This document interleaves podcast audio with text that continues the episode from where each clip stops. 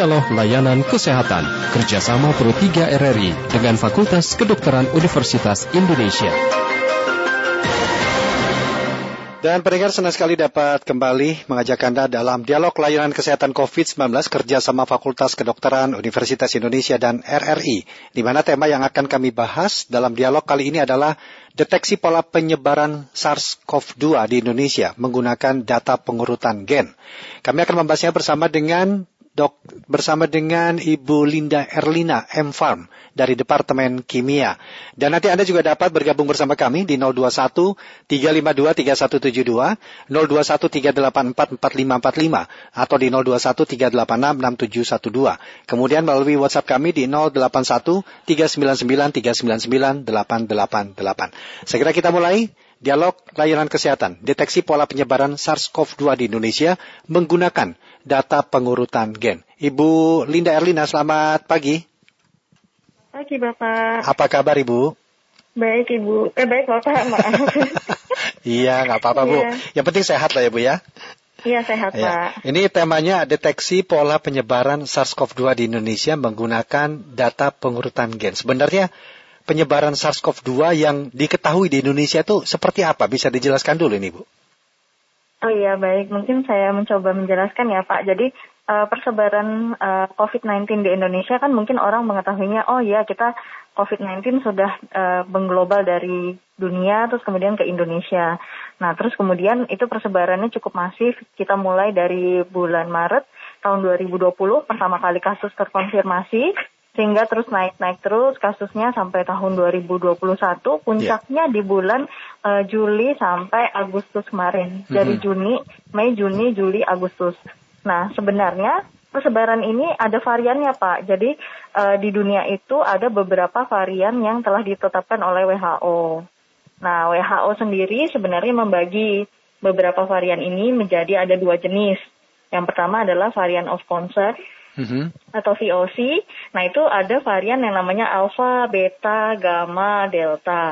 Iya, nah terus itu pengkategoriannya ya? Hmm, betul. Satu lagi yang varian of interest itu ada lambda sama mu.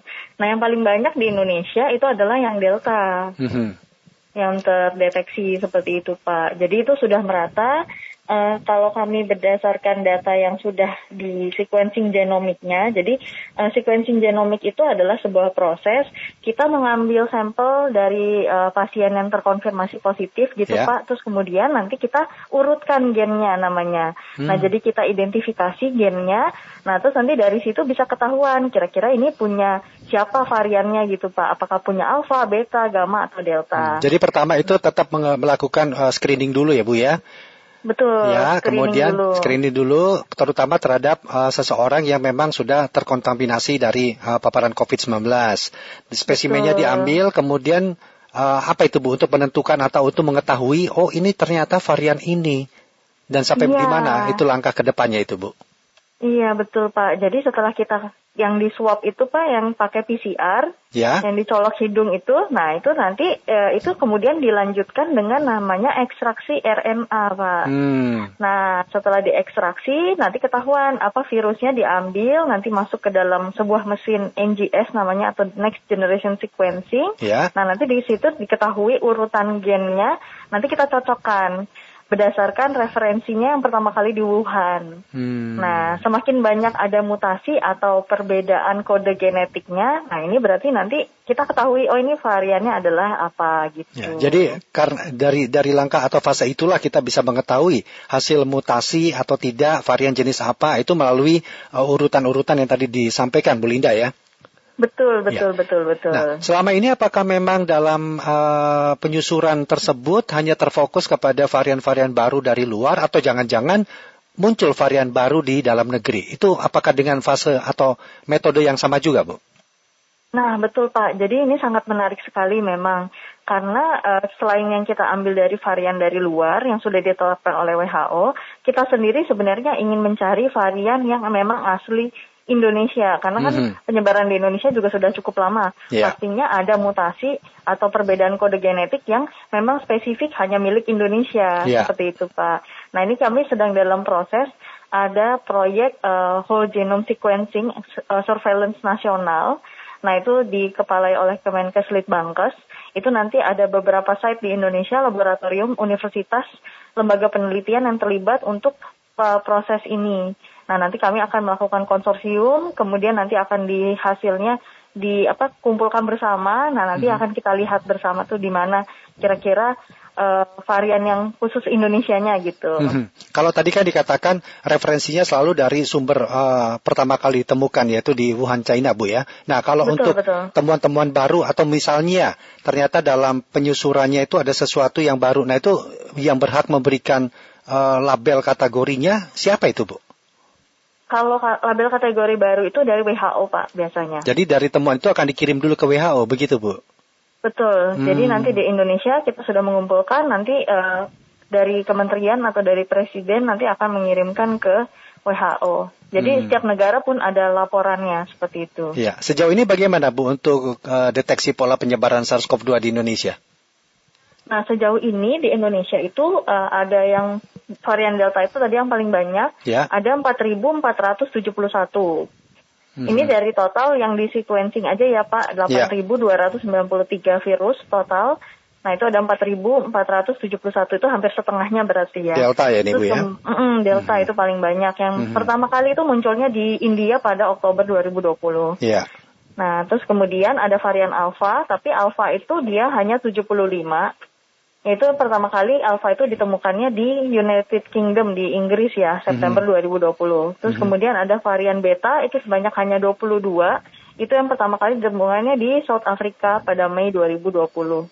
Hmm. Dan sisanya gamma, lambda, mu itu ya nol di Indonesia belum terdeteksi. Nah, apakah ada kesimpulan kenapa kok delta bisa lebih lebih mudah diterima katakanlah begitu hingga mendominasi dari varian-varian yang ada dibandingkan uh, alpha ataupun beta ataupun gamma yang lainnya, Bu?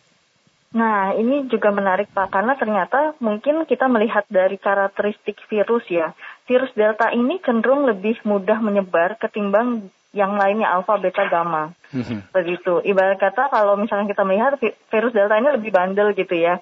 Jadi dia pola penyebarannya itu lebih meluas dari yang India, terutama India juga paling dekat dengan kita ya Pak, masih di daerah Asia dan orang India ini cenderung memang banyak uh, migrasi ke daerah-daerah negara-negaranya. Jadi misalkan kayak di Malaysia uh, penduduk India itu cukup banyak proporsinya, kemudian di Malaysia, di Singapura dan lain-lain yang negara Asia Tenggara. Nah, ini yang juga mengakibatkan persebaran di Indonesia juga semakin mudah dan semakin hmm. banyak gitu ya. Pak. Tetapi dengan banyaknya varian itu apakah cukup sulit nggak sih Bu untuk melakukan penelusuran atau deteksi pola penyebarannya?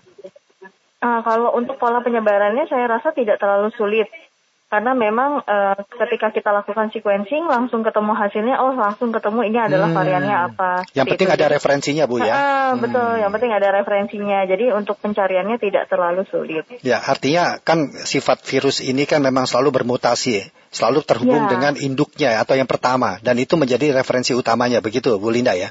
Iya, betul ya. betul Pak. Baik, kita terima dulu pendengar Bu Linda ya. Ada Pak Udin di Boyolali. Selamat pagi Pak Udin. Selamat pagi, Assalamualaikum warahmatullahi wabarakatuh. Waalaikumsalam warahmatullahi wabarakatuh. Apa yang ingin ditanyakan Pak? Bapak Rudi, Ibu Linda, Departemen Kimia.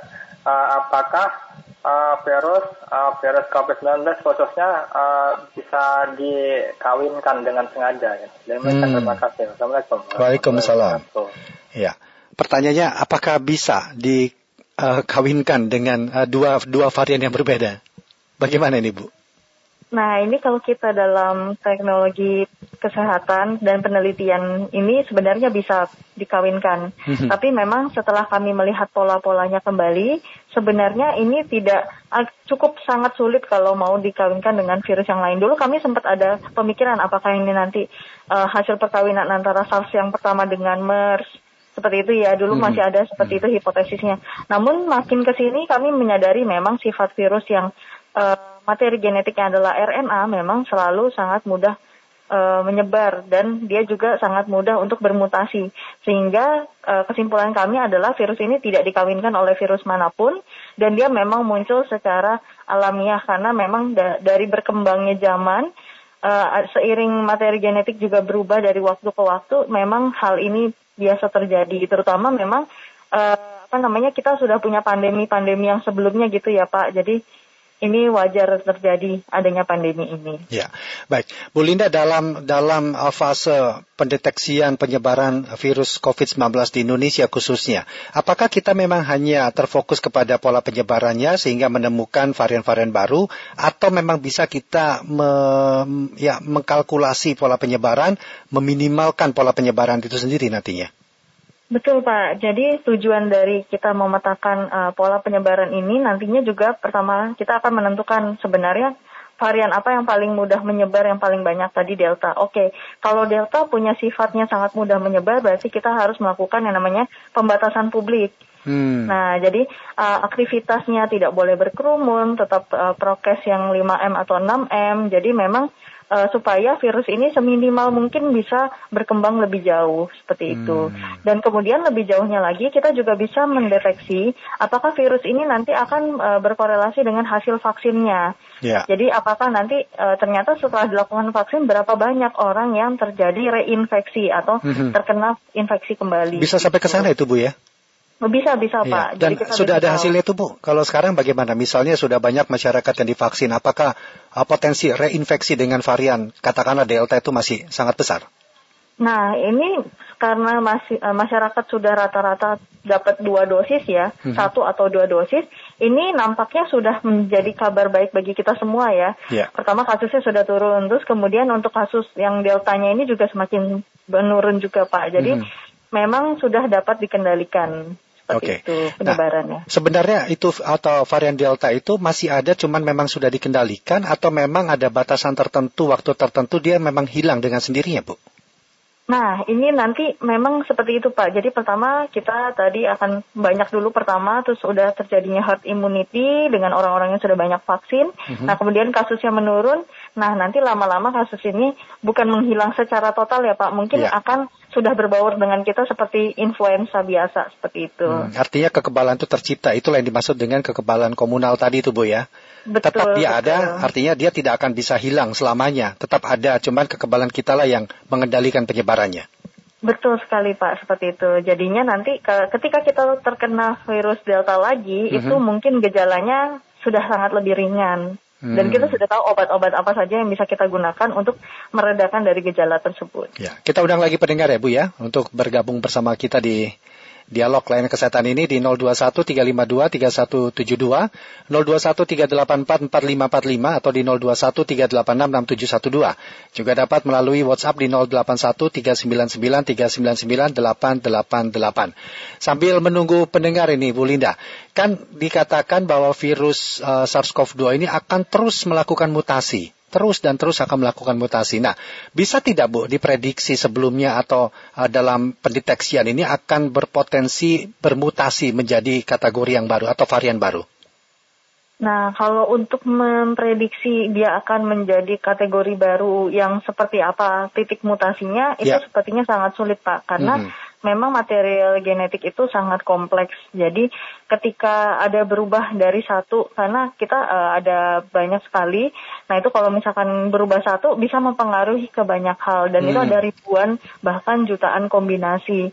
Nah untuk kita prediksi ya, selanjutnya dia akan ke arah mana, sepertinya itu masih menjadi PR bagi para peneliti di Indonesia dan juga di dunia. Iya, kekhawatirannya itu kan dia uh, bermutasi menjadi lebih kuat dari varian sebelumnya sehingga dapat melumpuhkan paling tidak kekebalan yang sudah diciptakan melalui vaksinasi kita uh, ini sendiri. Nah itu betul, uh, mungkin tidak itu terjadi, Bu.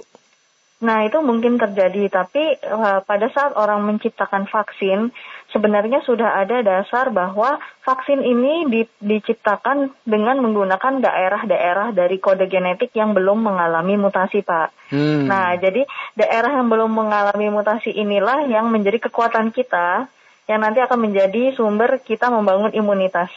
Jadi sehingga walaupun nanti ada mutasi baru lagi, mutasi baru lagi, itu bisa tercover dengan adanya daerah yang masih belum terjadi mutasi tadi Pak gitu yeah. karena kan karakteristiknya masih sama gitu yeah. kan selama ini masyarakat kita kenalnya cuma delta menakutkan kemudian beta mm -hmm. dan apa pun itu namanya sebenarnya berapa banyak sih yang ditemukan dalam penelusuran ini Bu? Nah kalau yang paling banyak tadi itu delta 4000 471 tapi hasil sequencing. Tapi saya percaya angka ini lebih besar karena uh, kasus COVID di Indonesia ini kalau kita berdasarkan covid19.go.id sampai saat ini yang positif ada 4.200 41 juta 809. Nah ini dari angka ini mungkin sekitar 3 juta, uh, 2 jutanya itu adalah delta. Kalau hmm. misalkan mau dibuat seba, ya, perbandingan ya, gitu ya, ya Pak. Hmm. Ya mungkin nggak sih Bu kita bisa mengetahui bahwa uh, varian delta itu lebih ganas dibanding varian lain, misalnya gitu, dikarenakan pembentukan mutasinya seperti ini, seperti ini, seperti ini. Mungkin tidak itu?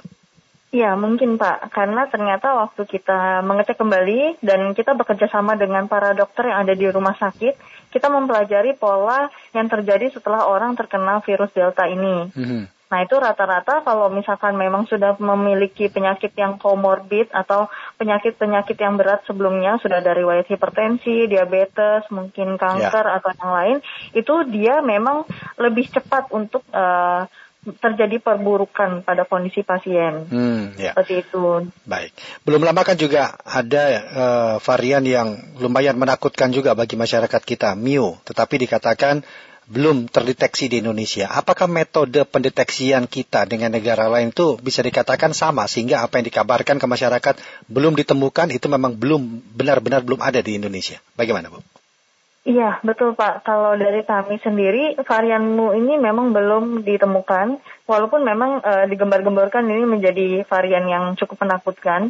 Namun memang dari kami menggunakan e, testingnya itu sudah standar sesuai dengan e, WHO, WHO dan CDC. Hmm. Uh, betul. Jadi semua alat testing, semua alat kit yang kami gunakan uh, ini kami impor langsung dari luar juga. Mm-hmm. Nah, sehingga memang apa yang dilakukan sama protokolnya dengan di ya. luar negeri dan memang belum ditemukan. Jadi hasil yang di uh, yang dirilis itu akan sama juga karena metodenya juga sama sesuai standar WHO begitu ya Bu ya? Betul Baik. betul Pak. Baik Bu Linda Erlina terima kasih banyak sudah berbincang dalam dialog layanan kesehatan COVID-19 dan semoga apa yang disampaikan ini bermanfaat buat kita semua Bu. Terima kasih. Amin. Terima kasih ya. banyak Pak. Selamat kembali beraktivitas Ibu. Salam sehat. Selamat pagi. Iya, salam sehat. Terima kasih. Selamat pagi. Demikian tadi dialog layanan kesehatan bersama dengan Ibu Linda Erlina M. Farm dari Departemen Kimia. Demikian dialog layanan kesehatan kerjasama Pro 3 RRI dengan Fakultas Kedokteran Universitas Indonesia. Acara ini bisa Anda dengarkan setiap Senin sampai dengan Jumat pukul 9.30 waktu Indonesia Barat.